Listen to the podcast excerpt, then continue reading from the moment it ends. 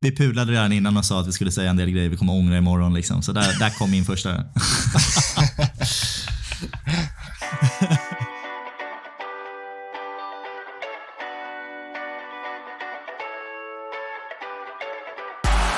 Manchester United score? They always score.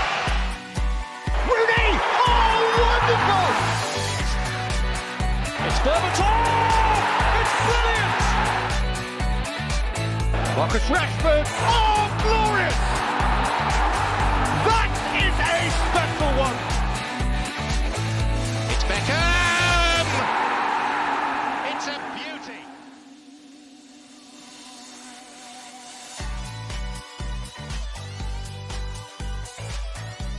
Känn er sådär asvarmt välkomna till ännu ett avsnitt av United-podden. Podcasten som du inte visste att du längtade efter. United-podden görs i ett stolt samarbete med både den officiella supporterklubben MUS och United-redaktionen på Svenska fans. Herre jävla satan som vi mår idag. Vi spelar in precis på slutsignalen av Uniteds demolering av lilla, trista, krisande Liverpool och sändningen är inte helt otippat på topp.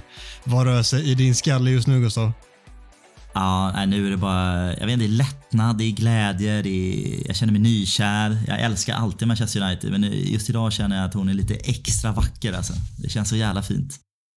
Och Mackan, inte ens du kan hitta en negativ vinkel på den här vinsten va? Nej, alltså eh, mitt leende är väl från öra till öra nu. Jag vet inte, jag kan inte... Ja, jag känner inte igen honom. Det ser ut som du har den där appen. Den där, vad, är, vad är den där appen som alla har när man ser antingen jättearg ut eller jätteglad ut? Det är den du har. Ja. Nej, jag vet inte, jag, jag har typ kramp i käkarna för jag, jag har suttit och, med världens leende nu de sista 30 minuterna här. Det, det är helt otroligt alltså. Det är, så här skön har inte, så här skön har inte United-seger varit på... Det, är, det är nog typ derbyvinst mot City precis innan corona. Jag tror fan det är det.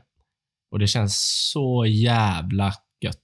Det känns så jävla länge sedan. Jag har lite, jag har lite FOMO här för man inser att ni, ni har haft lite viewing party hemma hos er där eftersom att ni, eh, ni är samboparet här. Den soffan hade man velat vara i och se den här matchen känner jag. Ah, ja, men det var, det var ruskig stämning i perioder. Det, det var ju såklart gåshud. Det var första gången vi såg matchen ihop eh, hemma också, jag och Mackan. Och det var ju uppenbarligen ett vinnande koncept.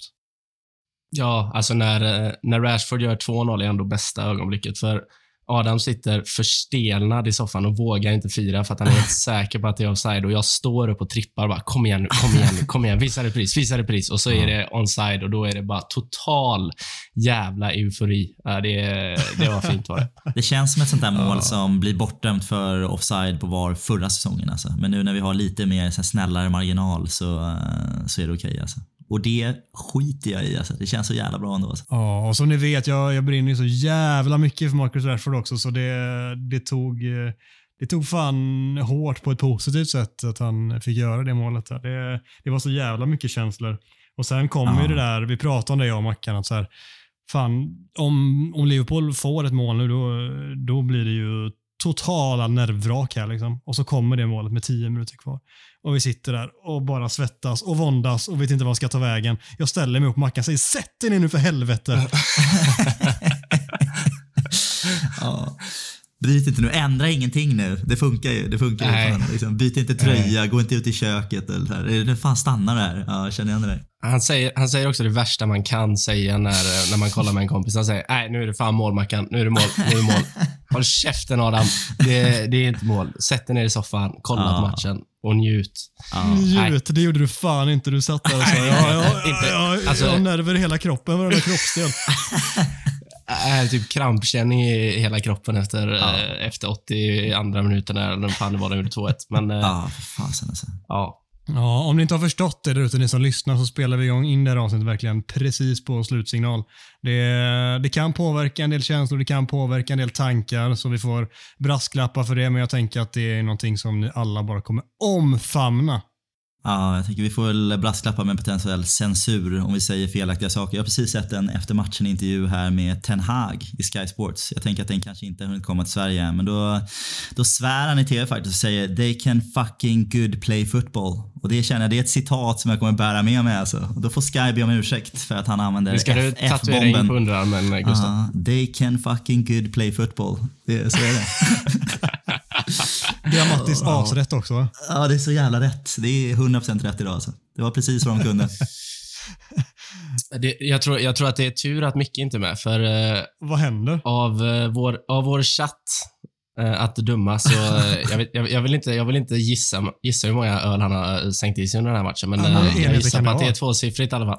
Det, jag, har ju- det måste jag, ju- vara. jag har ju druckit öl med Micke och jag vet att det är ingen vacker syn alltså. Det är det faktiskt. Så det, det är vi glada att vi slip, slipper den Micke i podcast eh, ikväll. Det alltså. Så- är eh, mycket versaler och eh, diverse uttryck som inte ska nämnas i poddsammanhang som har dykt upp i den chatten kan vi i alla fall eh, medge.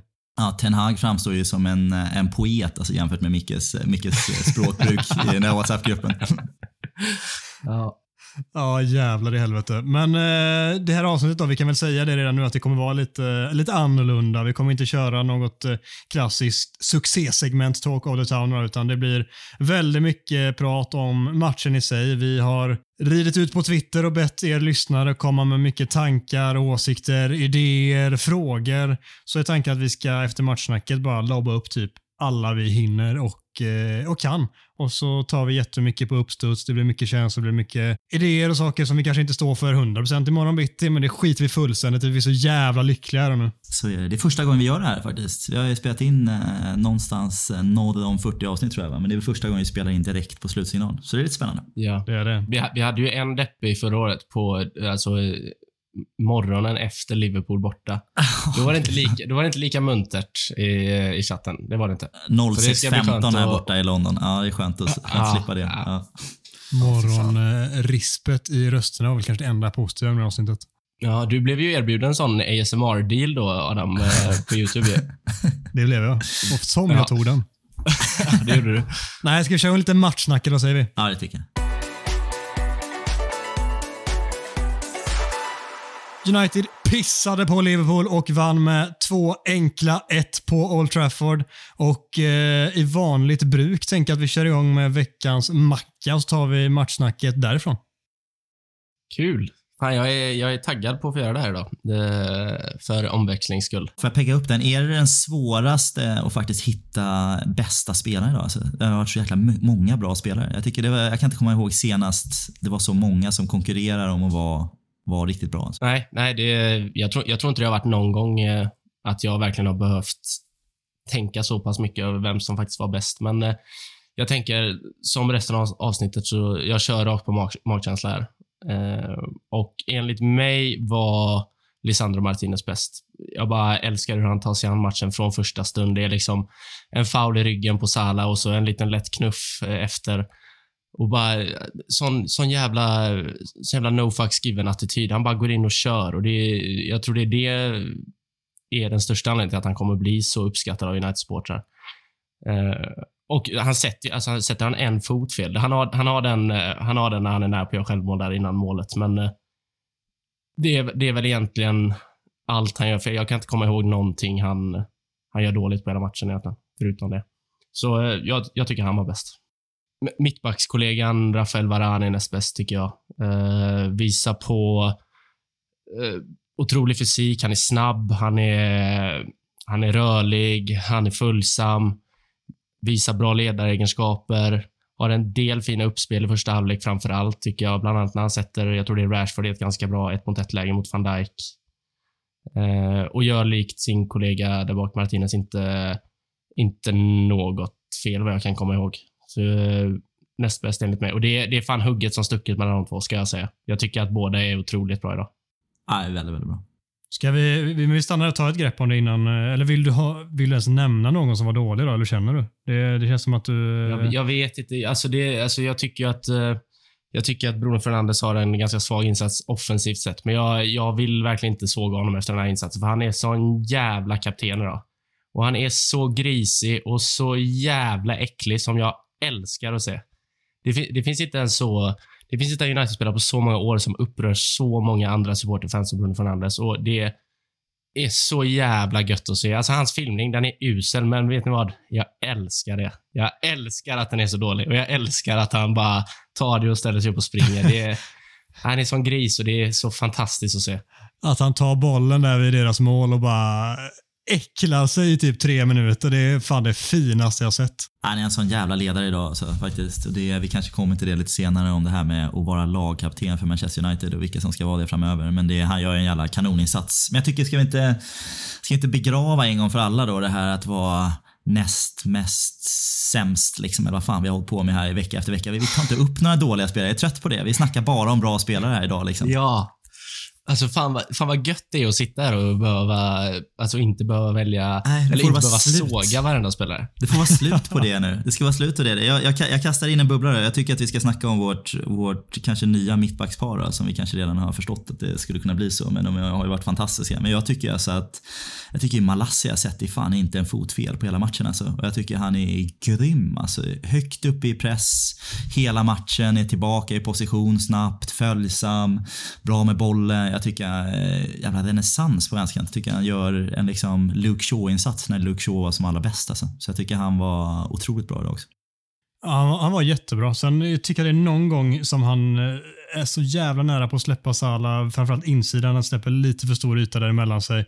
Mittback, eh, vänsterback. Eh, det är ett par gånger som det känns som att det finns tendenser på att fan, nu, nu åker det. Liksom. Men han löste de situationerna i slutändan ändå. och Det är precis det man ska göra. Då är det svårt att klandra honom. Men det fanns tendenser till att han liksom lite så här, positionsspelet var lite för vad ska man säga, aggressiv och sugen på att vinna boll. Att han nästan inte tänkte sig för. Men på det stora hela en kanoninsats även av honom såklart.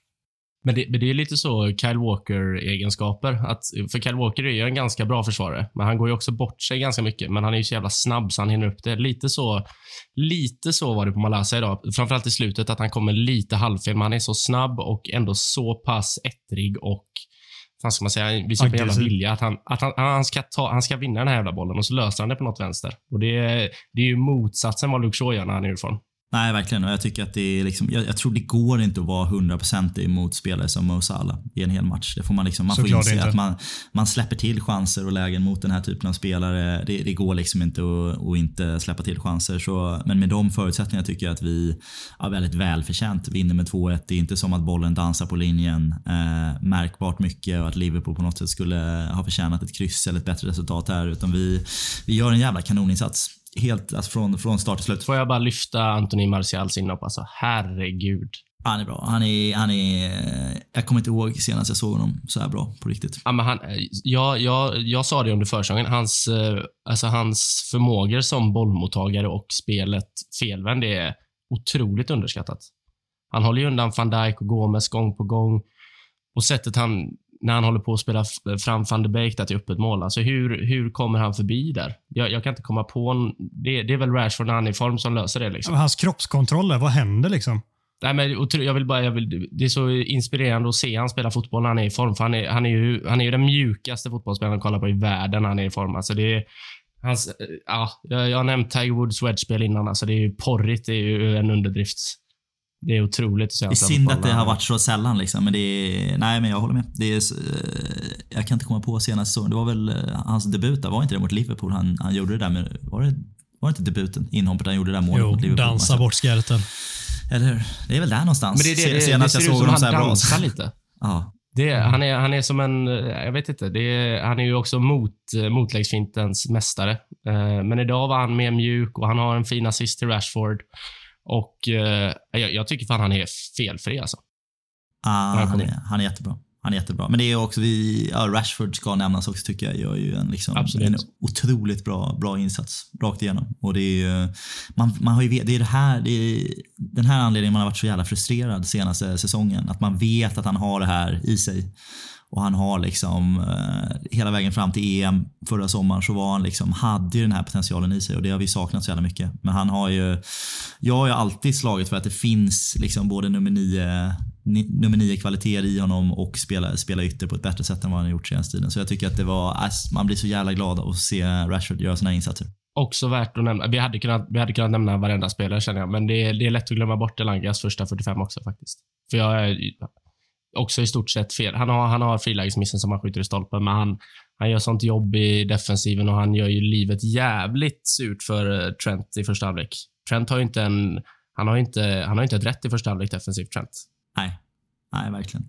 Så, eh, också värd att nämnas. Nej, och för att ändå så här eh, full, full cirkel. Jag tycker ändå vi säger Eriksen, McTominay och Dalot. Riktigt bra insatser också. Så har vi täckt hela jävla elvan alltså. alltså det, det är ju liksom en äh, fläckfri insats. Nämnde vi Sancho ens då? Lekstugan vet någon. Nej, så, så Milne, Milne glider ju fortfarande här. Ah. Det, är, det är en skottfint utan en slikare. Ja, han skickar ju hela backlinjen till Willys för att handla. Liksom. Jag tycker det är så jävla fint när, när Bruno pekar så jävla tydligt vart han ska skjuta. Liksom. Att han, han bara är så tydlig. Hela här, här är öppet, här är öppet. Man bara ser på honom Ja. att det är här, skjut, skjut. Det tycker jag är fint. Alltså. Det är en kapten. Ja, van Dijks teknik där är också beundransvärd. Det är, ja, täck, täcker, Täcker absolut så lite av målet som går att täcka. Det är ändå, det är ändå en eh, bedrift i sig i en sånt läge. Så Men det- jävla överskattad. Liverpools Harry Maguire. Ja. Det slog vi väl fast förra säsongen. Han är, det är Maguire med hästsvans liksom. Ja, så är det. Så är det, Så är det. Och det Nej, visar han han, är, han, är, han är ganska bra, men det, det här var ingen vidare. Vad, vad vill vi hugga tag i mer? Jag tycker att vi ska inleda där eh, matchen börjar från och med domaren blåser igång den. Att de första, vad är det, 25 typ, så är vi riktigt jävla bra. Liverpool inte har en susning och vi är bud på, på fler mål än det vi gör. Bland annat Elangas stolpträff och vi spelar eh, sådär United-frenetiskt där vi får med hela Old Trafford i ryggen och bara åker. Det kändes som hela, hela stämningen bara kokade. Liksom. Det kändes som att man nästan var på plats. Alltså. Alltså det var, man, man kunde känna hur elektriskt det var och då vi ska kanske ta, ta ett litet grepp om vad som försiggick före matchen också. Och det, man kunde i alla fall känna att det var spänningsnivån var ju hög och när man då liksom får, får lite momentum, eh, man skapar lite chanser, man får, lite, får in lite tidiga tacklingar så märker man ju, och det är liksom om man ska säga något här, det här är liksom trummat på länge. Vi vet ju att de här kvaliteterna finns i truppen när vi har lite självförtroende, när vi får lite vind i seglen. Vi vet ju att det, den här kvaliteten finns ju. Så eh, det är ju bara så jäkla glatt att få se att det, det kommer ut där. Men det är ett Old Trafford, när det kokar på det här sättet som det gör första 15 minuterna eh, med kvaliteten som ändå finns i den här truppen så ja, då är det, liksom, det, är- det är tufft att komma för alla lag och komma och möta United då. Men det är också, också jä- så jävla skönt och, och eh, typ befriande att se ett så pass intensivt United. För jag har kollat ganska många matcher nu i inledningen av den här säsongen och jag har inte sett om vi, om, vi, om vi ser på Uniteds två första matcher så har jag fan inte sett något annat lag spela så pass energilöst och tempofattigt och idag går de bara ut och kör. Och det, det är sån jävla skillnad. Och det är, och, alltså det är ju små saker som spelar in med att vi får att vi får lite tidigt grepp om matchen gör ju såklart mycket, men det var också en jävligt uppeldad stämning och det syntes ändå på spelarna att de verkligen var revanschsugna. Och det, det, det betyder mycket i en sån här match. Mm. Även i så här 90 minuter. Vi ser, vi ser en, en, en som Bruno Eriksen, alla de, vad är det, minut typ 88 tokruschar i press när det är bara för att störa deras uppspel. Liksom, så att de inte ska kunna få den här tryggheten i uppspelsfasen. Och det, det så vi inte sett i närheten av den första matchen. Och Det är klart att det är lättare att göra det med en ledning i ryggen. Men jag tror också att det har att göra med sättet de eh, har eh, fått eh, ta sig an den senaste veckan efter torsken mot Brentford och allt vad det innebar med bestraffningen med löpningen från Ten Hag och allt vad de fått läsa om sig själva i, i, liksom i media och sociala medier. Allting liksom nedblandat i en stor kompott har gjort att de eh, insett att här, vi måste ta oss i kragen här och visa att vi åtminstone brinner för för att få spela för den här klubben ens en gnutta och det tycker jag verkligen att alla gör idag. Mm. Nej, verkligen. Och det är liksom både, både attityd och inställning men även alltså rent taktiskt så känner man han väljer ju helt rätt startelva. Han har ett par, par tydliga liksom markerande spelarval när man väljer bort en, en lagkapten i mittlåset och en, en världsstjärna i, som nummer nio. Så det är ganska stora, stora skiften som, som han gör. Eh, men det, det slår ju helt väl ut. Så man får ju precis den, den reaktionen man vill ha med den, den attityden, den inställningen, den löpstyrkan. För pressspelet som sitter hundraprocentigt inte bara i att man pressar mycket, man pressar rätt också. Man pressar i grupp och man pressar vid rätt tillfällen och man springer inte runt som, som yra höns utan det, är liksom, det känns som att vi spelar som ett lag i 95 minuter. Jag, jag hittar inte en svag 10 minuters period någonstans i den här matchen där jag känner att så här, nej, nu vacklar vi och då möter vi ett lag som förstås har mycket boll och eh, ja, har, har bra sessioner under, under matchen men överlag så tycker jag vi gör liksom, ja, vi, vi är bra från första till sista minut. Mm, och som alltid i sådana här möten, det, det är klart det är omöjligt att vara det dominanta laget i 90 minuter. Vi har ju efter halva första halvlek så har ju Liverpool betydligt mer boll och skapar ett par halvlägen där de framförallt tar sig fram sista tredjedel utan att sen skapa något jättefarligt därifrån.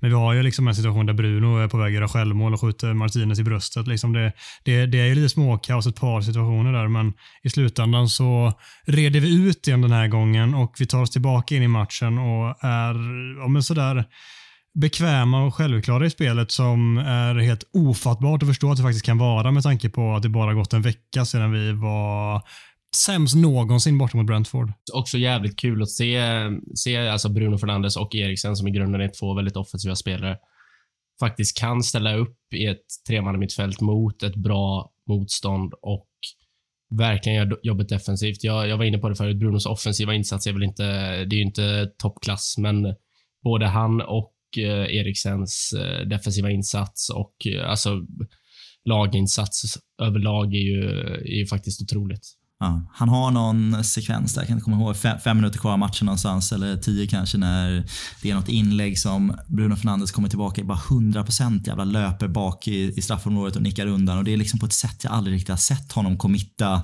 i eget straffområde någonsin tror jag, under hans United-tid. Liksom. Och det är ju det är den typen av ledare man behöver på planen och det sätter ju, sätter ju lite tonen för resten av laget. Sen, vill jag ändå, alltså McTominay har ju några tveksamma ingripanden med boll, men vi får ändå berömma honom bra faktiskt. Mm. Jag tycker ja, att han... Ja. Eh, jag tycker att han, eh, han gör mycket rätt. Han gör några saker väldigt konstigt också, men eh, det får man ta med honom. Han har, han har hjärta, han har passionen, det vet vi och det är liksom en lagspelare till 100%. Eh, och, han, han kommer funka bra i väldigt många år för oss när resten av laget funkar bra omkring oss precis som vi hade gott om spelare genom åren med John O'Chase och Johnny Evans och Wes Browns och Park Ji-Sung etc. Liksom, så kommer McTominay fungera jättebra när det går bättre för laget. Lyfter du precis upp Johnny Evans i det sammanhanget? Du som älskar honom mer än någon annan spelare. jag, blir, jag blir helt chockad. Jag blir mållös. Klipp, klipp, det där klipper vi bort. Jonathan Spector tänkte han säga, ja, men det blev fel. Vi, vi, vi, vi pudlade redan innan och sa att vi skulle säga en del grejer vi kommer ångra imorgon. Liksom. Så där, där kom min första.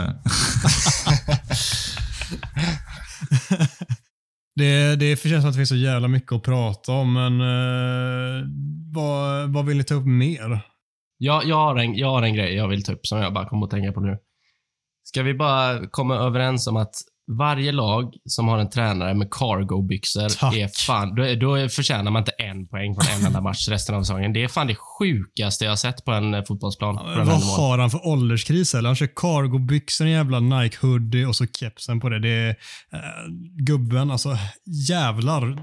Gör någonting åt din kris alltså. Ja, det är helt skrämmande. Alltså, cargo-byxor också som är, kan vara det fulaste vi har i samhället. Att det ska vara inne nu liksom. Och så så en tysk 49-åring från eh, Liverpool bara, oh, carbyxor inne. Jag ska ha på mig det på Trafford. Jävla tomte alltså. Ursäkta, men fy fan vad fult. Nej, han ser ut som en sån där kille som kommer och knackar på dörren och säger att han skulle kolla någon säkring i mitt proppsskåp. Liksom. Här, jag har blivit skickad centralt, så det var, ja, då får man släppa in honom då, tänker jag.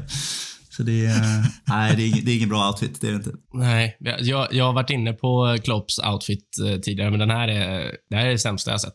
Ah. Överlägset. Då är, då är fan träningsoverall 100% mycket bättre.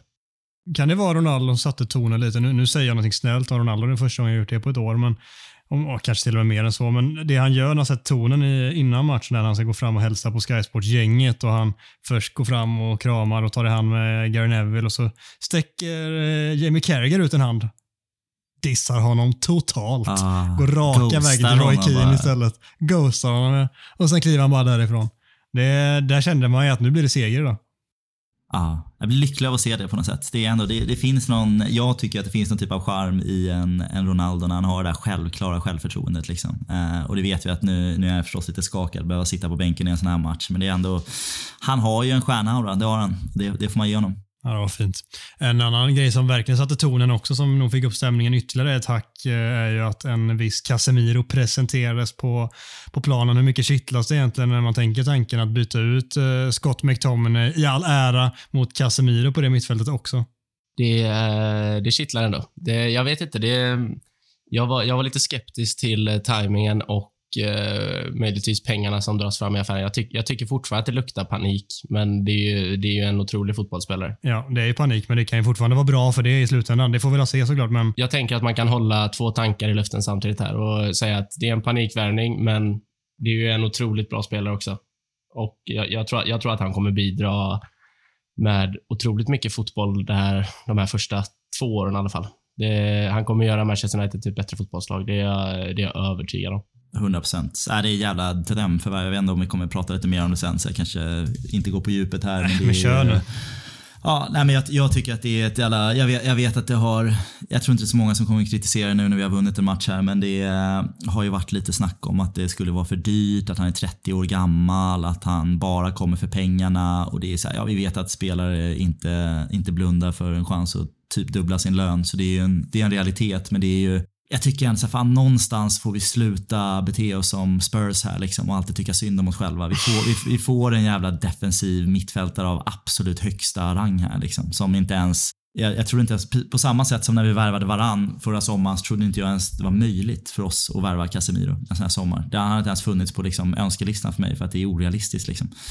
Eh, men det är ju, det är ju en liksom defensiv mittfältare av absolut högsta rang som är i i bästa, bästa slag i sin ålder. Alltså det går att säga att det är en av de bästa defensiva mittfältarna i historien. Alltså vi snackar om en spelare Ja. som har varit vital i ett lag som har vunnit fem Champions League-titlar.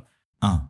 Nej men så är det. Och det är liksom, och han är 30, alltså 30, att vara 30 år gammal 2022 är inte samma sak som att vara 30 1992 liksom. Det kan ju finnas liksom tre, fyra riktiga jävla toppsäsonger kvar i honom om han tar hand om sig själv fysiskt. Det skulle kunna finnas sex, sju till år på absolut högsta nivå. Eh, så som spelare sköter om sig nu och, och vad jag har förstått, det här har jag inte haft jättebra koll på innan, men det verkar ju som han, han är en extremt hårt arbetande, både på förstås, men även utanför planen. Har något jävla hemmagym med någon syrekammare hemma som han blivit inspirerad av Cristiano Ronaldo. Ha liksom en jävla alltså, tävlingsmänniska till, till yttersta spetsen av en vinnare liksom. Ett ultraproffs eh, snackas det om verkligen. Nej men så är det och folk som tror att United behöver en Chouameni eller en Kamavinga eh, för att det är bättre på lång sikt. Det, då missuppfattar man vart vi är på den här resan just nu. Vi behöver naturliga vinnare som kan gå in just nu med professionalism, lyfta vår trupp och vara grymma nu i år och nästa år. Inte, vi, vi, har, vi har inte lyxen att hålla på och planera för 6-7 år framåt med en 21-åring, 22-åring. Det är bra att ha sådana också förstås, men det, vi behöver den här typen av etablerade spelare eh, och Casemiro verkar vara ett superproffs. Jag vet inte om ni har sett hans avtackningsvideo i Real Madrid och uppenbarligen liksom känslosamt eh, för honom att lämna, men jag, jag är helt övertygad om att han är superinspirerad av att komma, komma till det här projektet eh, och försöka lyfta United. Han är inte som de typiska brassarna som vi har varit inne på i podden innan. Gustav gillar ju att använda ordet eh, kort brintid på, eh, på brassar just. Det, han, Ja. kän, han känns inte som en Andersson. Liksom. Han knallar inte iväg till Donken efter en 3 vinst. Det gör han inte. An, vi konstaterar att Andersson slutade när han var 30 tror jag faktiskt, Jaha, på riktigt. ja. Men eh, jag gillar ju såna brassar också, men det är inte såna brassar United ska, ska ha nu. Så, Vi eh, älskar såna brassar, men var, var sak har sin tid. Liksom. Och just nu så är jag helt, eh, helt övertygad om att det är precis rätt person och eh, pengarna, ja, jag, jag tycker att det är ett jävla kap alltså. Alltså att, att försöka prata om de här pengarna som att det skulle vara något, att han är dyr på något sätt är för mig eh, obegripligt egentligen. Det, du får en, eh, det är bara för att det är en roll som inte generellt brukar kosta 150 miljoner pund. Liksom. Eh, utan det är an- anfallare som gör det generellt. Men det är värdet som han kan tillföra i United är ju, är ju, borde ju vara betydligt mer än vad vi betalar. Jag vet inte om vi nämnt det, men det är ju 60 till 70 miljoner pund det handlar om för Casemiro. Ja, och en ordentlig, han blir en av de bäst betalda i, i truppen troligtvis. Va? Vi har inte Ja, topp tre, top tre klubben sägs det ju. Det snackades Mm. för dem en totalkostnad över, vad, vad ska jag ha, fyra år va? På, på 140 mil pund. Och det, det kan han ju visa sig vara värd fan det dubbla typ. Så, eh, men han, han har ju också utöver, utöver hans fotbollsegenskaper så är det som ni var inne på en, en otrolig vinnare och en, eh, en ledare centralt i banan som vi inte har haft på eh, väldigt länge. Så, nej, ja, alltså panikvärvning, ja, men det kan vara den bästa panikvärvningen United har gjort eh, någonsin i så fall. Jag tror att det är grymt och också det, det, visar också, jag tror på allvar att det här skulle kunna liksom hjälpa vårt case för typ en Frenkie de Jong också. Jag tror att det är jävligt mycket mer spännande att potentiellt signa för ett United med, med Casemiro och Fernandes och Eriksen än hur det såg ut innan. Så jag tror att det här, det kan vara en sån markivärvning som gör att vi eh, vi eh, ja, får lite ringar på vattnet ute på transfermarknaden här nu sista. Det är uppenbart att det, det är fortfarande jagar spelare där ute i eh, tio dagar till eller nio dagar till. Eh, så Nej, jag tror att det kommer kunna bli jättebra. Också väldigt fint. Han, han kommer också fram till Roy Keane eh, som står vid sidlinjen och eh, ja, men har 30 sekunder där det är lite, utbyts lite respekt och det, eh, ja, det värmer mig i hjärtat på något sätt. För det är ju, drömmen är ju förstås att Casemiro ska bli vår nästa Roy Keane här. Liksom. Det som vi har saknat sen Roy Keane lämnade. Jag håller verkligen med dig i det som du säger, att Casemiro kan öppna upp för andra spelare, till exempel en Frenkie de Jong som jag fortfarande svårt att säga att det blir av, men är helt med på resonemanget i kombination också med att vi faktiskt visar att vi är ett lag som går att räkna med den här säsongen genom att vi slår Liverpool idag. Det, hade vi torskat den här också, det kristna också, då hade det varit ultra mega krisstämpeln och alla hade ju liksom varnat för att komma hit och känt att nej, nej, det kanske inte är den bästa idén. Eh, nu, nu blir det en helt annan grej på det. det. Det är sjukt att det är så små marginaler, men det är det ja. i fotbollen det är sjukt. men det, det förändrar ju narrativet nu när de närmsta sju dagarna så extremt mycket i slutet av augusti än om en, en 3-0 förlust. En självklar 3-0 förlust mot Liverpool eh, jämfört med den här, det här jävla statementet som vi gör idag. Eh, jag kommer ge eko där ute.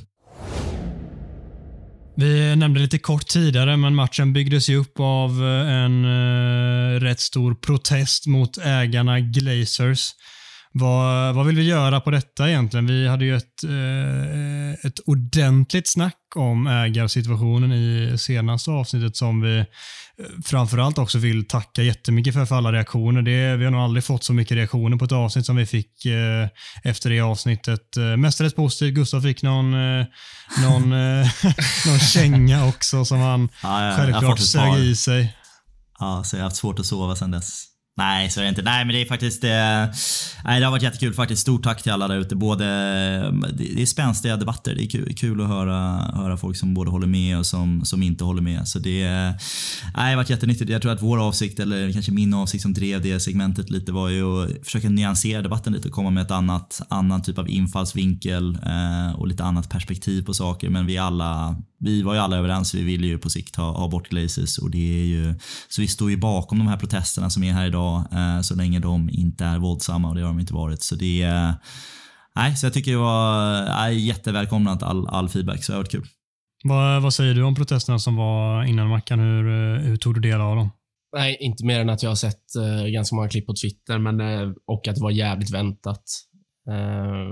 Men eh, som, som, som jag har märkt så har det varit eh, stor uppslutning ändå och så, alltså det är en fråga som alla United-supportrar är engagerade i på något sätt och eh, att majoriteten av United-fansen vill ha bort Glazer är väl ingen nyhet.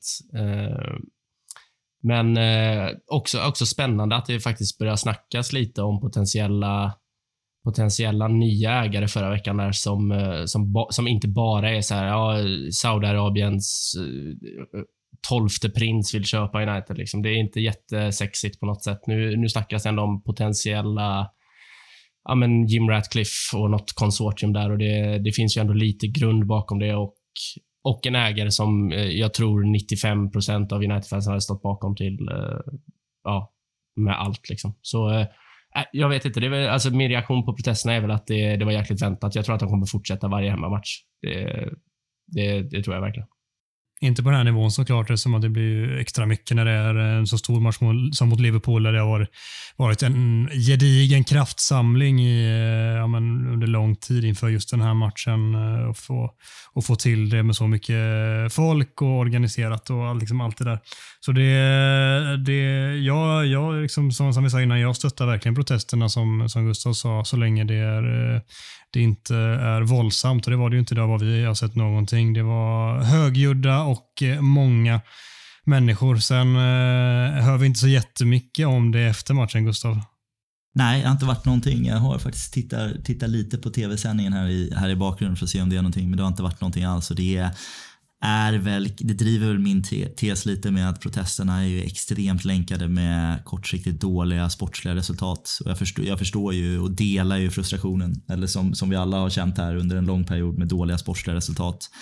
Men tycker kanske inte alltid att det ska, ska gå ut på det sättet. Men eh, så jag, jag, tror att det kanske kommer lugna sig lite nu och att en sån här protest kanske inte, inte har en mega effekt på huruvida Glaciers vill sälja eller inte sälja. Men jag tycker jag är för alla, alla demokratiska utövningar så jag tycker att det är jättebra att man samlar och visar sina, sina åsikter. Uh, så det, nej, så tycker jag... Jag, jag vet, jag, jag och Gustav hade uppe det i vår chatt här tidigare i veckan, men jag, jag måste säga att det, det, kan ju vara en sån riktig tanke som bara poppar upp när man läser alla rykten. Men det, det är lite konstigt att vi från ingenstans har så här mycket pengar att spendera jag, jag tycker att den, det är ändå värt att höja upp den lilla, lilla spaningen.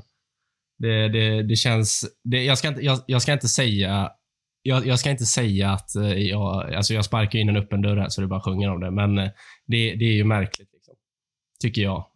Nej, alltså det, jag, jag kör, vi, vi har ju vädrat det här lite offline, men det, jag köper inte riktigt konspirationsteorin. Jag, jag, jag upplever att United har varit tydliga i sin kommunikation, framförallt via Ten Hag, att man, vilka positioner man söker spelare på här hela, hela sommaren och även när man gick för Frenkie här så pratade han om att han gärna vill ha en till mittfältare, så det var inte bara Frenkie utan det skulle gärna vara två.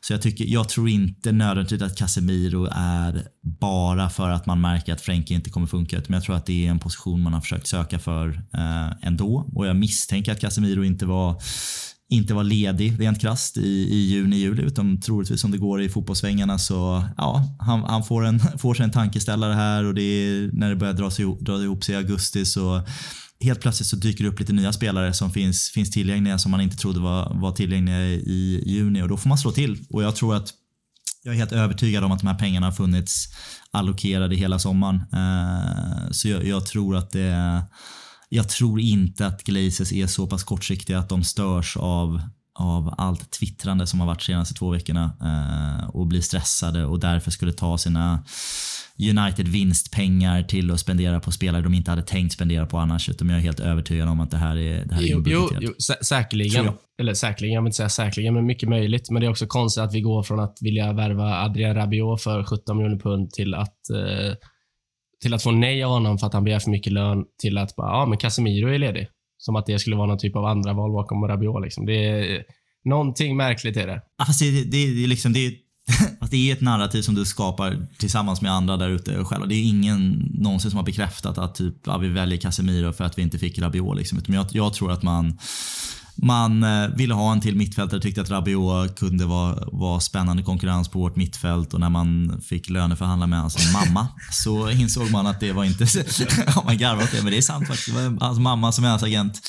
Eh, så eh, insåg man att han ville ha en jävla sjuk lön. Jag tror att han ville ha en Casemiro-lön typ, eller bli bäst betald i, i klubben eller där, däromkring och det är ju förstås galet och den spelaren vill vi inte ha in så då, då avbröt man det. Så jag, jag, tror inte att det är Casemiro istället för Rabiot. Och jag, så jag, jag tycker att det är lite raljant när, vi, när folk på Twitter lite är så här, kolla desperationen. Först vill man ha Rabiot och nu vill man ha Casemiro. Man har ingen aning om vad man gör. Jag skulle säga, vi har ingen aning om vad de gör. Vi har ingen aning om vad insikten, vi vet inte hur länge de har jobbat på, på en sån här spelare. Vi vet inte liksom vilka positioner de vill, eh, de har en shortlist på som de jobbar på i bakgrunden. Så det är, jag, jag köper inte riktigt att det är liksom det som vi tror är, och ser i media är nödvändigtvis sanning. Nej, nej alltså jag, jag vet ju 0% av vad som försiggår, men jag gillar ju att vara lite raljant. Och det... nej, men det, det uppskattar ja. vi. Vi behöver det. Vi behöver det. Du, representerar, du representerar en, en, större, kanske en större procent av United-fansen än vad jag gör här, så det är bra att vi, vi, får, vi, får, vi får en röst för ja. dem också. Då. Ja, men det som är intressant där, för att nyansera lite i Casemiro-fallet, så um, Laurie Whitwell som är en av de mest ansedda reportrarna när det kommer till United skriver det att den här dealen har legat eller United har jobbat på lite i skymundan ganska länge. Och Det kan ju vara någonting som kommer från klubben för att de vill också eh, sprida det narrativet. Det vet vi ju inte heller. Det ska vi också ha med oss. Men att de har jobbat och det har varit ett alternativ som de gärna har sett få in under längre tid men att det inte har blivit rent konkret aktuellt förrän för tio dagar sedan då det öppnades upp möjligheter och då har de jobbat väldigt hårt på det sedan dess och till slut så pang gick den att lösa och vi fick alla andra reda på det när det sipprade ut i media ganska sent in på förhandlingarna. Eh, så har det gått till enligt honom. Vad han har fått de uppgifterna från, det vet vi inte. Men det är en ansedd eh, journalist som kommer med de uppgifterna åtminstone. Sen vill jag, vill jag lägga till att det, det, det blir ändå, jag, jag kan ändå förstå Mackans tankar lite också.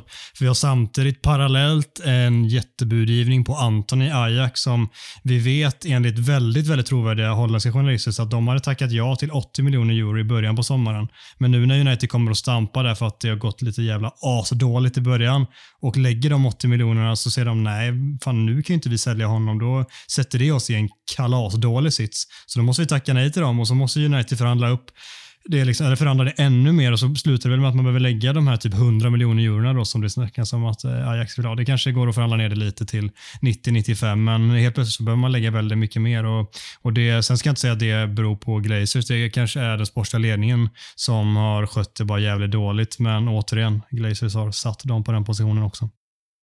Nej men så är det och det, är, eh, det kan, kan, kan vara så och det, jag tycker personligen att det låter alldeles för dyrt. Låter, känns personligen mer, mer intresserad av en, vet han, Gakpo eller PSV-spelaren som, som är en, en, tre, typ en tredjedel eller en fjärdedel av i alla fall vad det ryktas då prismässigt. Och, eh, har inte, jag ska inte säga att, påstå att jag har sett mycket av honom men eh, om man tittar på statistiken förra säsongen i alla fall så verkar han vara ja, ännu bättre statistik än Anthony.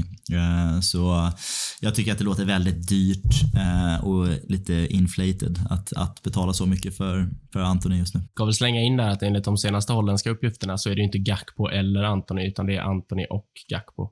Jag har hört det faktiskt. Det är, men de är båda, hjälp mig här, de är båda ändå utegått från ytterposition va? Det är ingen av dem som egentligen ska in i, som en nia. Jag, jag tror, Gak, jag tror Gakpo kan spela centralt. Jag tror han har gjort till landslaget någon gång, men det är han, är ju, han spelar ju främst från vänster. Ja, Gakpo från vänster och Antoni från höger, vilket skulle kanske ta lite för att man går möjligen för båda då, för att det snackas ju främst om att det varit högerytter man har varit ute efter i första hand och där har ju Gakpo spelat relativt lite.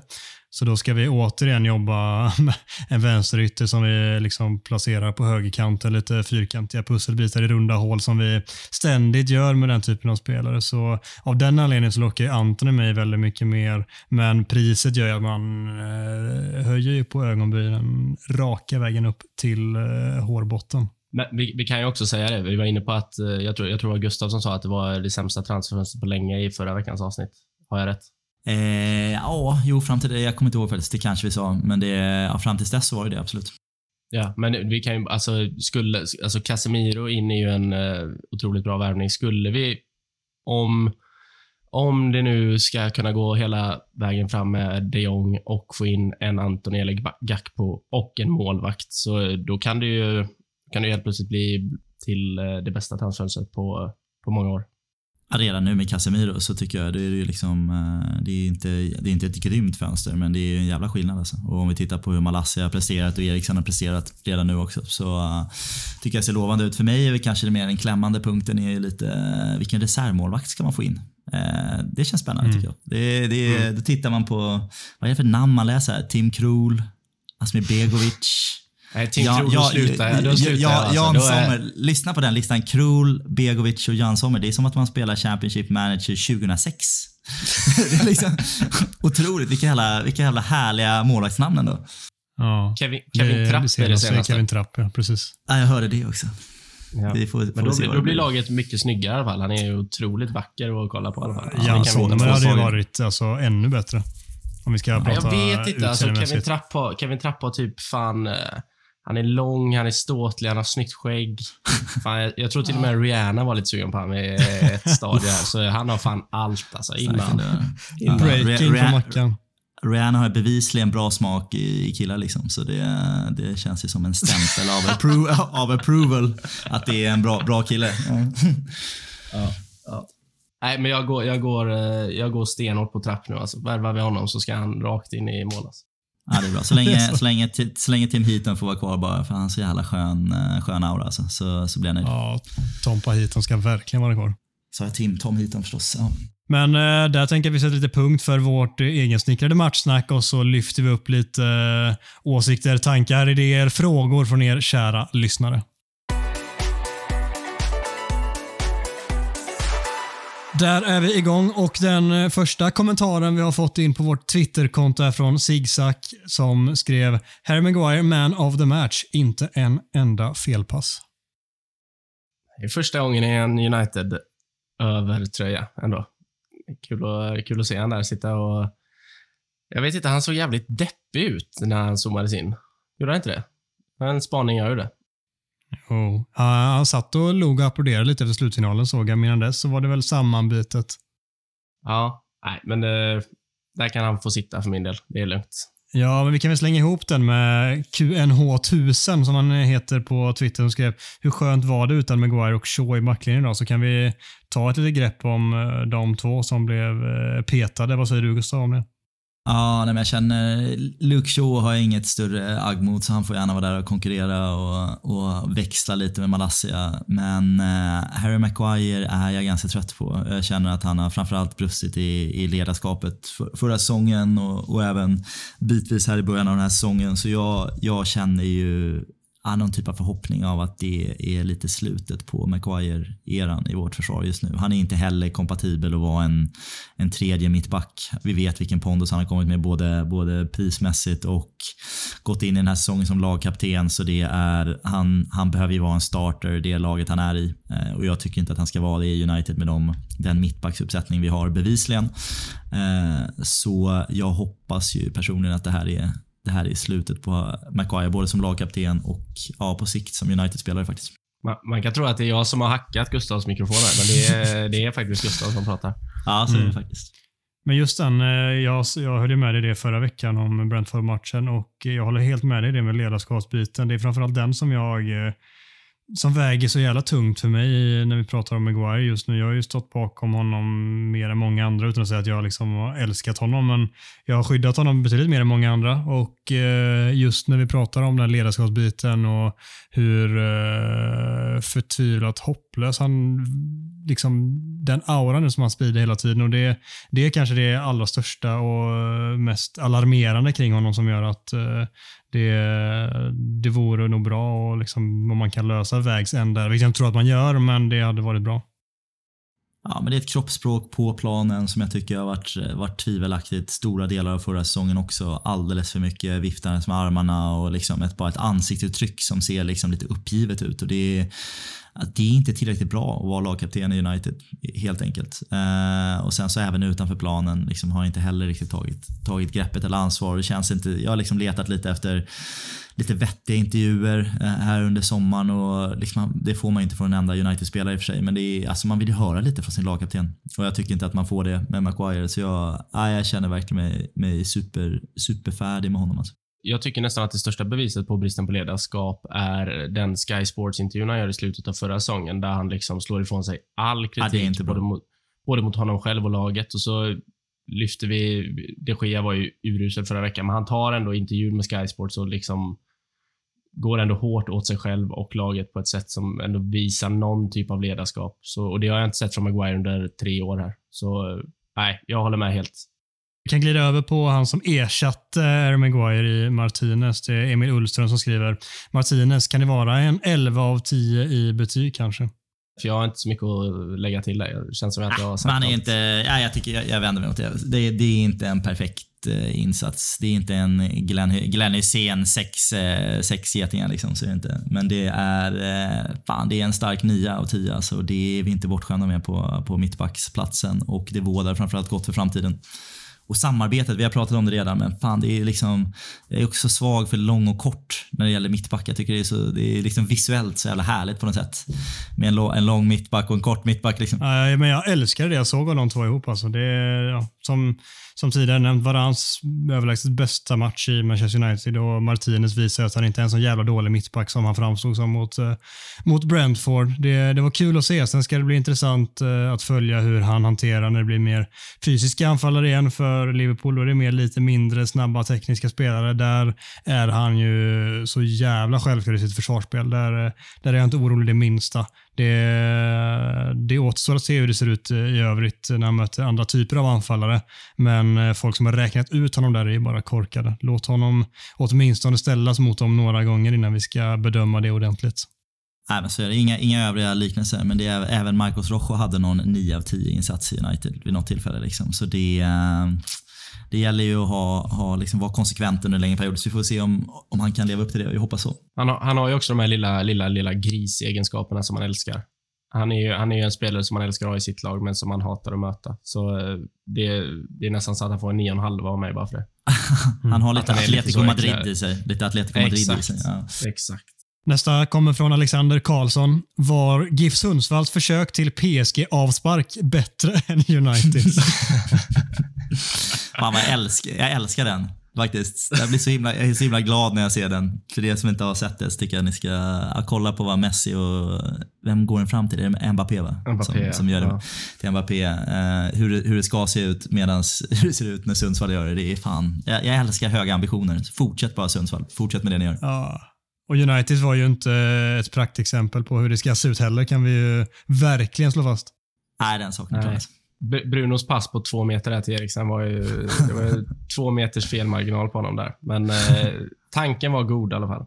Mm. Men det är kul att se för det är en um, avsparksvariant som har gått jätteinflation i nu. Man ser den lite överallt för lag som testar den och eh, här och var så sitter den uppenbarligen så någonting finns det ju där. Det, det är kul att följa kan vi väl slå fast och gå vidare härifrån. Ja, det är avsparksvariantens skolschack. Liksom. Att man ska liksom, verkligen så här lura bort med enklast möjliga marginal. Alltså. Så det, ja, vi får se. Jag tror att den håller i cirka sju dagar till, sen så kommer vi inte se den mer. Där har vi prognosen. Nästa kommer från Erik Holmström. Tycker ni Bruno har en given plats om han fortsätter i detta tempo? Förstår att vi inte har så mycket att välja på just nu, men om två säsonger. Oj, det var fan... Ja, två, om, om två säsonger, om jag tror att Bruno är given om, om två säsonger. Om han fortsätter i detta tempo. Ja, nej, det är han ju inte då. Men eh, jag tror att han är ganska given säsongen ut i alla fall. Så, eh, så långt fram kan jag, kan jag tänka mig att se. Eller given är fan... Det, vi har varit inne på det här innan. Jag hatar fan ordet given. Alltså, det, är så, det, är, det är så svårtolkat ord. Given. Ja, Lionel Messi är alltid given för att han är Lionel Messi. Cristiano Ronaldo har alltid varit given för att han har varit Cristiano Ronaldo. Bruno Fernandes är inte på den nivån riktigt att han är given hur han än spelar. Så om han, om han, är, om han är oproduktiv och slarvig i passningsspelet och i offensiven i 15 matcher i rad så är det klart att han inte är given. Men jag tycker att hans insats idag med det ledaregenskaper och eh, hans defensiva arbete så är, så är han i alla fall given i ett eh, relativt mediokert Manchester United än så länge i alla fall. Absolut. Och han är ju, det ska jag säga, han är slarvig med bollen emellanåt idag, precis som han har varit under en ganska lång tid. Och Det är någonting som han måste förbättra. Vi har sett Ten Hag idag. Han har inga problem att sätta stora namn på bänken om det, om det visar saker som han inte är nöjd med. Så han behöver ju såklart förbättra den biten också. Vi såg i slutet av matchen när han försöker, alltså när vi bara ska spela av, vad är det, 30 sekunder kvar av matchen och vi bara ska spela av. Han ska bara liksom löpa med bollen, hitta en enkel passning och spela av det sista sekunderna. Men han försöker liksom slå en djupledsboll, crossboll mot Rashford som gör att Liverpool får tag i bollen och faktiskt kan sätta igång en kontring. Där eh, ska ju enligt journalister på plats eh, Ten Hag blivit vansinnig och det är sådana bitar som Ten Hag, tror jag, inte kommer att acceptera för han är en sån här perfektionist som inte vill se sånt. Bruno kommer fortsätta få massa med chanser och med all rätt med tanke på vilken höjd det finns i honom. Men det finns frågetecken och eh, de behöver benas ut. Ja, men jag, jag tror att Bruno är en perfektionist också. Och jag tror att han, eh, han är en spelare som kan gagnas mycket av, av Ten Hag här. Att eh, få jobba med honom. Jag tror att det, det som kittlar mig med, med Bruno Fernandes är att det känns som att han har 30-40% mer kapacitet än vad vi har sett på, på länge. Vilket är ju en otroligt bra spelare om man får ut max av honom. Eh, och han är i bra ålder så jag, jag tror att vi kommer se honom, eh, ja kanske lagkapten stora delar av, av den här säsongen då. Om, om det kan vara en förhoppning till att börja med men även långt bortom två säsonger till eh, för United. För att svara på den frågan. Jesper Meskus. Har den svaga starten varit ett taktiskt drag av Ten Hag för att sätta press på ägarna så att han börjar spendera lite cash? Och så en smiley med glasögon på. Uh, skickar över den till foliehatten Mackan. Nej, det här är dina favoritämnen. Ta den du. Nej, men det, det tror jag såklart inte. Men eh, bra fråga ändå. Gillar den. Ja, Går helt i din smak. Bra Ja, det är Jesper snyggt. Meskus. Hette han det? Det är ett otroligt namn fan. Alltså, grattis. Det är otroligt. Ja, det är Jesper. Meskus. Fan, jag, jag önskar att jag hade ett sånt namn. Marcus Eriksson. Liksom. Vad är det för trött svenskt? ja, det är så jävla trött det namnet. Det Ja, tänker jag ofta det på. Ja, ärligt talat. Fy fan. Ja, så Jesper den personligheten på det också. Ja. Då ska du få höra på nästa namn här Mackan. Krille Beer. Ha, jävla gött. Nej, Har flera tankar. Malassia självklar plats i startelvan. Martinez och Varan duon. Och det har vi bollat upp redan att uh, Malassia kanske inte är självklar än, men såg en väldigt bra insats och som Gustav sa jag med om att uh, Shaws kan finnas med där i på något uh, sätt rotation och utmana om att spela. Det tror jag bara gynnar båda två. Och sen Martinez och Varan har vi verkligen pratat om. Henrik Ros, det var länge sedan man hörde via Satsstudion prata om att Uniteds motståndarlag är det som saknar intensitet. Att se United med högre intensitet än Liverpool kan jag nu vänja mig med. Jävligt skönt var det. Det kan vi alla alltså. Ja, fy fan vad fint det var alltså. Men vä- välförtjänt och det är, jag tycker vi ska inte ta något större grepp, det får de ta i någon Liverpool-podd här, men det är det, ja, jag skulle vara lite orolig som Liverpool-supporter på vad jag sett de första tre matcherna eh, den här säsongen. Eh, men det skiter vi i. Om vi ska bara lägga in det att eh, de har ju faktiskt tur att de har två poäng efter två matcher. Eller efter tre ja, matcher. men- Ja, men det. De hade, de hade ju med lite, lite otur kunnat stå på noll utan att det hade varit orättvist. Så det, det hatar jag inte alltså. Det är kul. Nej, nej det. Jag Ja, tycker det är ändå väldigt fint alla vi där ska komma ihåg att vi efter den här helgen också Chelsea som åker på stordäng. Liksom, det är inte bara United som förlorar matcher ibland. Det finns andra, andra lag där ute som inte, inte har drömstarter heller eh, och tappar poäng här och där. Så vi, det är inte alltid mest synd om oss i hela världen bara för att vi gör lite dåliga prestationer. Emil Ullström eh, med fråga nummer två. Malassia och Martinez har Salah helt ur matchen. Dalot fortfarande ett problem försvarsmässigt om han inte är snabbare in i situationerna. Vem kan vi förstärka med där? Högerbacksmarknaden är jag otroligt svag på alltså. Det, det måste jag erkänna. Eh, jag, jag tycker fan Dalot gör en ganska bra match. Men eh, eh, eh en högerback... Eh, ah, här är jag blank alltså. Malo Ja, det- Gusto från Lyon kanske. Gusto precis i Lyon. Han har ju snackat som 19-årig, stod för en jättebra, framförallt eh, vår säsong i Lyon. Det, men vi, det är liksom, det är, det är Men det är spelare också som så vi har efter en sett för lite. Liksom. Exakt, vi har sett för lite det. jag, jag, jag hade jättegärna tagit in en ny högerback och växla ut Wan-Bissaka där, men eh, jag ska säga, vi ska villigt erkänna att jag inte har ett eh, självklart namn där att slänga upp. Nej, alltså jag ska göra en så här brasklappa och jag har sagt det tidigare att försvarsspel är en kollektiv sport, inte, inte individuellt. Jag tror att när vi får lite ordning på spelet lite mer konsekvent, om vi får in Casemiro nu, så tror jag att man kommer kunna spela med Dalot för att hans offensiva rider och offensiva egenskaper är tillräckligt bra eh, för att det ger ett, ger ett värde och att han är good enough försvarsmässigt merparten av matcher. Och jag vet att det här, det här kommer jag nog inte få medhåll på, men jag tror även att Wan-Bissaka kan prestera betydligt bättre än vad han har gjort och vara var funktionell för oss som högerback. Så jag tror att vi kan klara oss på de två om resten av laget eh, funkar betydligt bättre än vad det har gjort, eh, förutom idag. Så eh, jag tror inte att det är ett desperat behov av en ny högerback. Jag, jag håller faktiskt med dig där. Det är väldigt långt ner på min priolista också. Ja, verkligen. Det är inte det som ska varken först eller eh, näst först in. Nästa kommer från ett riktigt ärkepucko. Ni kanske kan lista ut vem den här tweeten kommer från. Hej United-podden och Lisandro Martinez. Ni är bäst i världen. det är Micke som har, eh, som har fem enheter in enligt egen utsago, vilket vi alla vet är en lögn. Det Är är, det Erik Niva som har skickat? Nej. Sitt- Sitter och drömmer här. nej, Klart det var. Du hade Det- givetvis rätt där, eh, Gustav. det, det hade varit spännande att ringa upp Micke nu och få ett litet inspel här. Jag vet inte vad... Man hade kunnat få allt jag, har, möjligt. jag har hört alltså. det. Det är inte värt alltså. Det är inte värt det. Nej. Det Nej, vi, vi släpper den bara. Vi släpper den. Så går vi vidare och så pratar vi om Filip Gustafssons fråga istället. Den tycker jag är bättre. Distraherande gröngula halsdukar på läktaren eller kanske att Harry Maguire satt på bänken. Vad kommer Klopp skylla på den här gången? många fickor på cargobyxorna tror jag. Fick inte upp pennan till eh, taktiklappen. Men han har ju faktiskt varit ute här efter matchen med någon eh, trött ursäkt såg jag. Ja, är det någon, vill, vill han ha någon straff kanske? Eller? Jag vet inte, jag kommer inte ihåg. Det var väl ingen super? Eller tycker han att Tror- jag Rashford, tror det Rashford var är VAR sa- offside? Är det VAR-rummet som är dåligt kanske? Jag tror faktiskt att han sa, eh, nu ska vi bara... Eh, Bra podd nu Mackan. otroligt svag content, ursäkta. Eh, han tycker att Liverpool borde ha vunnit, men att tiden rann ut. The, the time ran Ah, out because the ball weren't in play for a long time Ah, on stoppage time. Snyggt ändå. Vi hade redan svaret på den, den frågan. Så, ja. Tiden rann ut. Ja. 95 minuter. Så är det ibland. När det Ja, händer. så är det alltså. med fotboll ibland. Mm. hade varit otroligt gött om tiden för hans Liverpool-session kunde rinna ut snart. Så Ja. slipper jag se honom. Fy fan vad gött det hade varit. Ja, vi kan bara svepa förbi Gustav Tappers fråga om det finns någon eh, chans för Shaw Maguire efter den här matchen. Och eh, det tycker jag att vi har svarat på redan. Blom, Jonas Blomqvist pratar om Malassia Martinez. Vilka grabbar? Det håller vi verkligen med om. Krille Beer igen. Marcus Rashford. Vad händer? 14 000 frågetecken och en smiley med röda hjärtan. Och eh, ja, de där eh, röda hjärtanen de skickar jag rakt tillbaka till både Krille Beer och Marcus Rashford. Krille Beer, jag ångrar mig. Jag sa att det var svagt. Det är otroligt starkt alltså. Krille Beer är jättebra ju.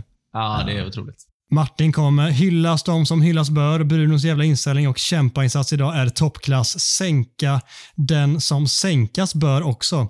Tar Ronaldo en enda maxlöpning när han kommer in ser absolut inte ut att bry sig ett skit.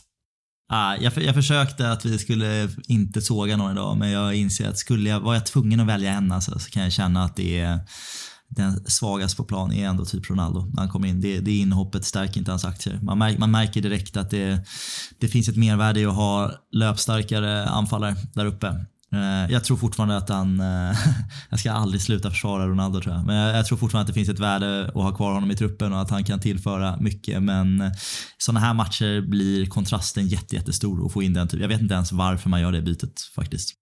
Vi, vi kan stanna där och bara hålla med dig. Henrik Ros skriver Vidic-klass på inställningen ikväll. Eniga. Ja. Ah, fan vad skönt att kunna säga det igen alltså. det var länge sedan. Det var jävligt länge sedan. Ja, det är härligt. Krille Beer är tillbaka igen. Har inte känt mig lika trygg med backlinjen på ett bra tag. Fan vad han kör. Krille Beer gillar vi. Hattrick. Det är- Fan, Krille Beer. Alltså United var bra idag med Krille Beer alltså. Fem plus. Men ska jag inte pausa i att, så här, fan, att vi får bedöma vår backlinje? Så här, har vi någonsin gjort det i United-podden? Jag tror inte det faktiskt. Att vi har pratat om att vårt försvarsspel och vår, framförallt vår backlinje, inte ens det kollektiva försvarsspelet, utan det är faktiskt backlinjen som har varit så jävla bra. Och det är ju så jävla kul tycker jag. Ja, alltså verkligen. Ja. Verkligen. Nej, det är skönt. Hannes Netinder. Det här måste ju ändå vara Uniteds försvar i framtida matcher. Hur ser era bästa elvor ut nu när Casemiro är med? Jag tänker om jag slänger upp att vi kör dagens elva, Casemiro ersätter McTominay och sen så är det Rashford, Martial och eh, Sancho där fram. Håller ni med eller har ni ett eh, motbud? Jag skulle, jag skulle nästan vilja så här, vi tar den om tio dagar, för jag tror att någon, någon till spelare Nej, det kommer var komma inte in. det som funkar här nu. Det är det vi har att tillgå just nu. Ja, nej, men då, är jag, då håller jag med dig. Så en jävla sarg utgubbe alltså. Men eh, Ja, så trist. det, nej, ja, Martial in eh, såklart. Eh, ja, jag håller också med. Fan. Det, det är Martial in istället för Langa. Så är det bara bästa. Ja. Ja, jag ångrar mig. Tom, Tom Heaton i mål också. Kan man på något sätt få tillbaka Andreas Pereira så känner jag då ska han rakt in. Alltså. Fan vad bra han har varit i Fulham dock här i början. Riktigt Ja, fin. Otrolig insats, eh, otrolig insats i helgen faktiskt. Ja, jag vet. Var- det finns han någon var jävla mot Liverpool också. återköpsklausul så jag bara, ta tillbaka honom i januari. Allt är, för, allt är förlåtet. Ja, ni vet vad ni hörde det först. Sebastian eh, Kielman. Kan Martinez fortfarande inte klara det i Premier League även om han var bättre än van Dijk? Vad fan menar han med det? Ja, Det är väl en pik mot dem som säger att han inte kan klara det i Premier League, men sen så var han Ja, bättre sant. än världens bästa mittback någonsin, van Dijk, i den här matchen. Ja. Ja. Nej, det, det kommer bli bra tror jag. Det, kommer bli väldigt bra, Martinez. Starkt. Bra sagt. Där satte du ner foten Gustav. Ja, gillar Ja, när det är sådär konkret. Vänligt men bestämt. Vänligt men bestämt. Det kommer kanske bli bra. Ja. Så jävla dumt. Peter Abrahamsen. Dominerar första 30, spelar otroligt roligt. Kanske inte helt enligt förmodad taktik, men skönt med olika typer av spel. Visar på taktiska kunskaper hos Ten Hag och rejäla bollar som petar Ronaldo och Maguire. Sen Peter farliga hela tiden i kontringsspelet. Nej, Peter Abrahamsen. Jaha, fan jag trodde han varit inne och twittrat där efter 1-0 borta mot Sirius. Det hade gjort mig varm i hjärtat. Alltså. Ja, det hade jag älskat. Eh, fan, nu glömde jag frågan bara för det. Som sagt, jag tror inte Ja. det var, en, var någon fråga där. Nej, han bara kom med Nej. lite tankar som eh, vi ändå kan hålla med om egentligen det mesta. Det var intressant att vi, vi det var ju, spelar ju inte på samma sätt eh, med den här dominanta eh, possession-fotbollen som kanske alla har sett att det alltid ska vara, eller vissa i alla fall har trott. Utan det är lite annat typ av spel idag och det är kul att, vi, att han visar att vi också kan anpassa oss lite när det behövs. Det kanske är för att vi är i det skedet nu när vi behöver det, men eh, oavsett så eh, gillar jag det jag ser där. Han, han gjorde ju faktiskt inte ett enda fel då, Ten Hag. Startelvan är ju klockren tycker jag, rakt igenom. Eh, det är väl Ronaldo-bytet som är tveksamt, liksom. men jag, jag fattar ju varför han kommer in också kanske. Vet vi än om det var taktiskt att Elanga byttes ut eller om det var någon form av känning? Jag har inte läst någonting om det, men vi har ju också varit lite i eh, radioskugga här under inspelningen. Jag, jag misstänker taktiskt. Jag har inte hört någonting som pekar på något annat. Och det, ja, men det tycker jag ändå man ska lyfta upp ändå. Alltså fan, kul att se att han är eh, alltså, så handlingskraftig i, i bytena. Det är kanske lite, lite uppenbart mot när man ligger under 4-0 eh, här senast mot Brentford. Men jag tycker ändå det är, det är snyggt. Jag tycker fler tränare borde byta spelare i halvtid. Att det inte borde vara så tabubelagt. Liksom. När man märker att saker inte funkar eller man inser att man har, har en bättre lösning så uh, fan, go for it. Nästa match kommer formstarka Manchester United till Southampton på bortaplan och den spelas på lördag klockan 13.30. Vi ska riva av det här ganska kort och smärtfritt eh, genom att lämna över det till Gustav Kulle. Jag känner man är, man är inte riktigt där faktiskt, måste jag säga. Det är framförallt när man spelar in på slutsignalen efter en Liverpool-match kanske jag känna att jag är inte på att tänka på hur det ska, ska gå mot Southampton på lördag. Men, men om, vi, om vi tittar lite, lite snabbt då, lite motståndarkoll, så uh, Southampton har börjat säsongen ganska bra ändå. De började visserligen med 4-1 förlust mot Spurs, uh, men sen ändå Eh, 2-2 mot Leeds och en 2-1 seger nu senast borta mot Leicester. Så det finns ju, det finns ju potential i, i laget, det vet vi. Eh, ställer upp formationsmässigt lite olika varje match. Eh, 4-2-3-1 eh, senast med fembackslinje ganska ofta med wingbacks. Det är väl Shay Adams som ska göra målen. Eh, har gjort två redan i år. Eh, James Ward Prowse. Eh, känns som att han borde vara 34 år gammal nu, men det är han nog inte. Utan han har ju varit med länge eh, och det är han som ska liksom bygga upp spelet via mitten och ta hand om de fasta situationerna där de alltid är farliga. United då, jag vet inte vad er grundkänsla är när ni tänker på Southampton. Min känsla är att vi har ganska lätt för Southampton. Eh, men det har vi inte. Statistiken visar att här, om vi tittar på de senaste 15 matcherna så har vi, ja, vi har sju segrar men sju oavgjorda också. Och en förlust här senaste 15. Så om vi, jag tror att det var senaste, bortsett från den här otroliga 9-0-segern för två säsonger sedan, har det annars varit väldigt mycket uddamålssegrar och väldigt mycket oavgjorda. Mer eller mindre varannan match. Förra säsongen två 1-1 matcher.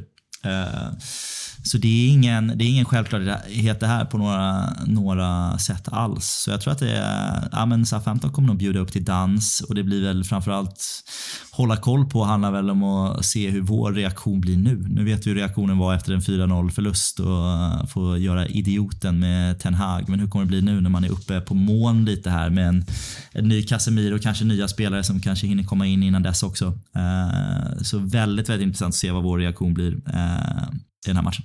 Jag tycker framförallt det som du ser, våran reaktion. Hur reagerar United på att komma in till matchen med helt andra ingångsvärden efter eh, en seger mot Liverpool som du säger, när alla går på mål. Det, det är verkligen det mest intressanta inför den här matchen och att vi ställs inför en helt annan typ av match än vad såklart Liverpool är i ett toppmöte, ett rivalmöte på hemmaplan. Det är helt andra förutsättningar när vi möter Southampton på bortaplan där vi på något sätt eh, under den här styre ska vara det laget som är bollförande. Vi ska trycka ner dem och vi ska skapa målchanser därifrån också. Det är en helt annan match än så att vi får lite mer ytor som vi får mot Liverpool. Så det tycker jag är det mest intressanta på förhand. Och Sen eh, ska det såklart bli väldigt spännande att se Casemiro från start, för det räknar vi nog med att han ska ha löst det där arbetstillståndet innan dess så att han kliver rätt in i startelvan. Det är väl klart nu. De presenterar väl han under kvällen? Jo, men det betyder inte att arbetstillståndet är, eh, är, Är det inte det? Må, måste de inte vänta på det? Det är kanske jag som är nu... Ja, måste är det, det, 00.43, kom, det kommer ta ett eh, par dagar till tror jag, även i bästa, Ja. bästa fall. Men han, mot Southampton ska han nog kunna spela tror jag. Ja, det snackades om att han skulle ha det på torsdag som tidigast, nämligen eh, enligt brasiliansk media och det låter väl kanske inte helt orimligt och så hinner han göra en, två träningar. Han är i fysiskt bra form i övrigt. Liksom kört ner försäsong med Real Madrid och, och allt det där. Liksom. Så det är väl bara om Ten Hag inser att han är redo taktiskt, men jag har svårt att se någonting annat än att han går rakt in där och bara kör. Nej, han kliver rätt in. Det, Ja. men, alltså det, det, som jag alltid säger när man är utsatt, inga onödiga jävla fasta bara. För eh, det, alltså det är så jävla enkelt att eh, säga en sån sak, men det är fan, det är ju självmord att göra det mot Southampton. Ward Prowse högerdagar vill man fan inte ställas mot. Alltså. Nej. Nej, så, så är det. Varken inläggsfrisparkar, frisparkar eller hörnor. Det är eh, farligt varje gång. Där har vi det. Och så vinner United med, vadå Mackan? Nej, jag, jag vill faktiskt inte tippa matcher. För förra gången jag tippade så gick det åt helvete. De 15 senaste gångerna jag har tippat så har det gått åt helvete. Nu har jag inte tippat inför Liverpool och då har det gått jättebra. Så jag, jag håller mig faktiskt undan. Jag ber om ursäkt. Otroligt. Fjantigt. Gustav då? Ah. Nej, men jag, nej, men jag tror att nu går det av bara farten så vinner vi 3-0. Uh, Mm. Jag tror vi vinner med 2-0. Vi mal ner dem, gör 1-0 och sen så kontrar vi in 2-0 när de börjar trycka på lite i slutet. Och så är vi sådär goa för att Casemiro har bara stängt igen framför eh, backlinjen och eh, samma backlinje får köra givetvis igen. Det Ja. blir gött hörni. Tusen tack Ja. alla för att ni har lyssnat på detta avsnittet också. Det eh, var jävligt roligt att få spela in direkt efter slutsignal. Kanske lite färgad av en viss seger mot Liverpool, men som man brukar säga, det här får vi göra om. In och eh, följ podden på sociala medier innan ni klappar ihop mobiltelefonen för den här gången så säger vi tack för oss. Tack Gustav, tack Marcus, tack allesammans. Ta hand om er.